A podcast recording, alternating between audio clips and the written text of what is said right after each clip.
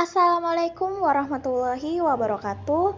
Kembali lagi dengan podcast saya Alisha Sepanya Putri NIM 0552000128.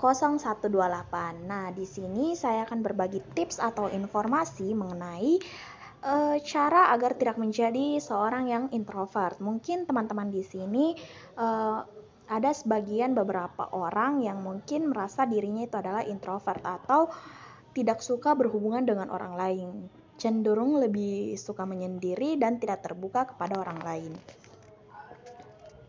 Nah, introvert ini adalah e, jenis kepribadian yang cenderung lebih fokus kepada perasaan dan pikiran yang berasal dari dalam diri. Nah, ada anggapan yang berkembang di masyarakat bahwa Pribadi introvert itu seperti seseorang yang tidak suka berhubungan sosial dengan orang lain.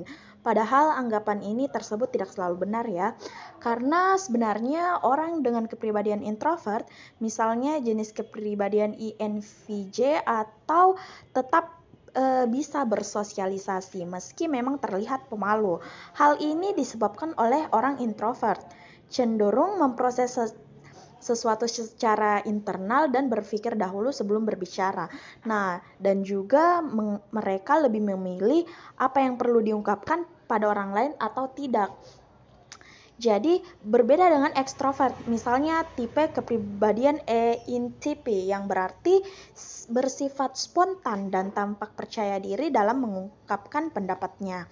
Nah, Uh, sebelumnya saya akan menjelaskan apa ciri-ciri dari kepribadian uh, orang yang memiliki sifat introvert. Nah, yang pertama lebih banyak menggunakan lobus frontalis. Nah, beberapa penelitian tentang otak menemukan otak orang tipe introvert cenderung lebih banyak menggunakan lobus frontalis, yaitu bagian otak yang bertugas merencanakan, memikirkan penyelesaian masalah, serta mengingat. Kemudian ada berorientasi kepada benak mereka sendiri. Selain itu, orang introvert lebih suka memikirkan tentang gagasan atau memori di dalam benak mereka sendiri.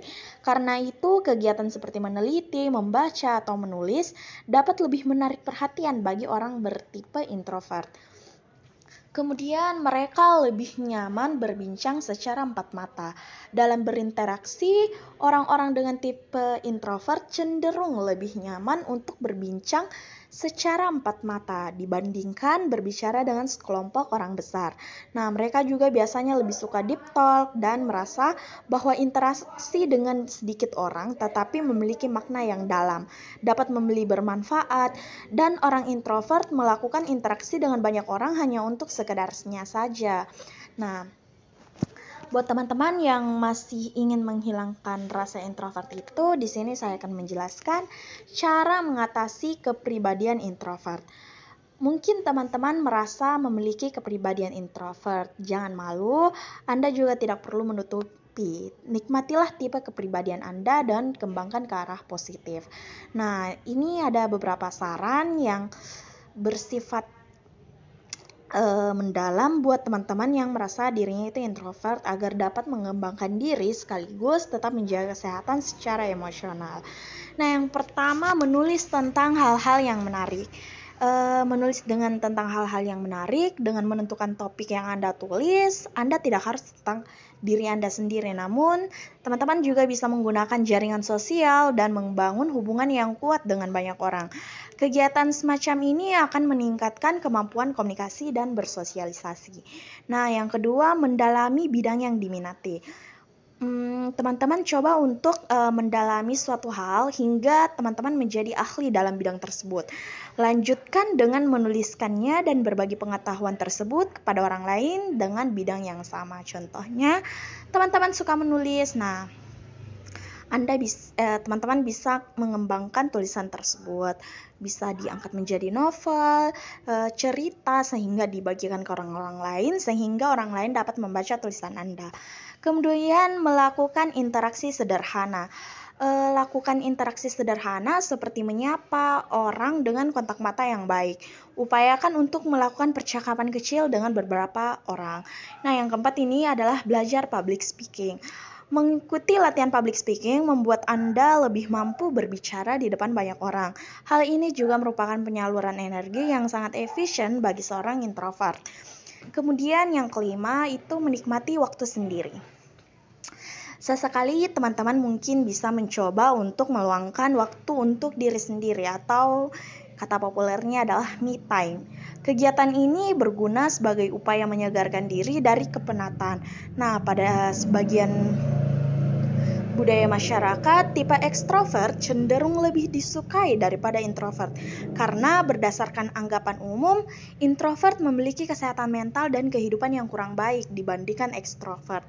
Namun ini tidak begitu benar atau hanya anggapan-anggapan yang terjadi di masyarakat ketika melihat seseorang yang introvert. Seorang introvert dapat mengembangkan kepribadiannya dan meraih kebahagiaannya. Hanya saja, ke kebahagiaan versi orang introvert mungkin berbeda bentuknya dengan kebahagiaan menurut orang ekstrovert. Oleh karena itu, orang dengan kepribadian introvert tidak perlu merasa rendah diri dan membandingkan diri dengan orang lain serta anggapan umum. Baik itu saja yang bisa saya jelaskan. Mungkin ada beberapa tips uh, dan saran dari saya buat teman-teman yang merasa introvert dan teman-teman juga bisa masuk di ilmu komunikasi ketika teman-teman merasa dirinya itu introvert.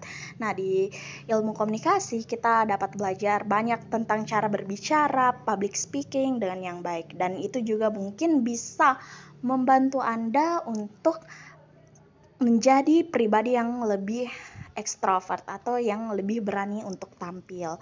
Sekian dari saya. Wassalamualaikum warahmatullahi wabarakatuh.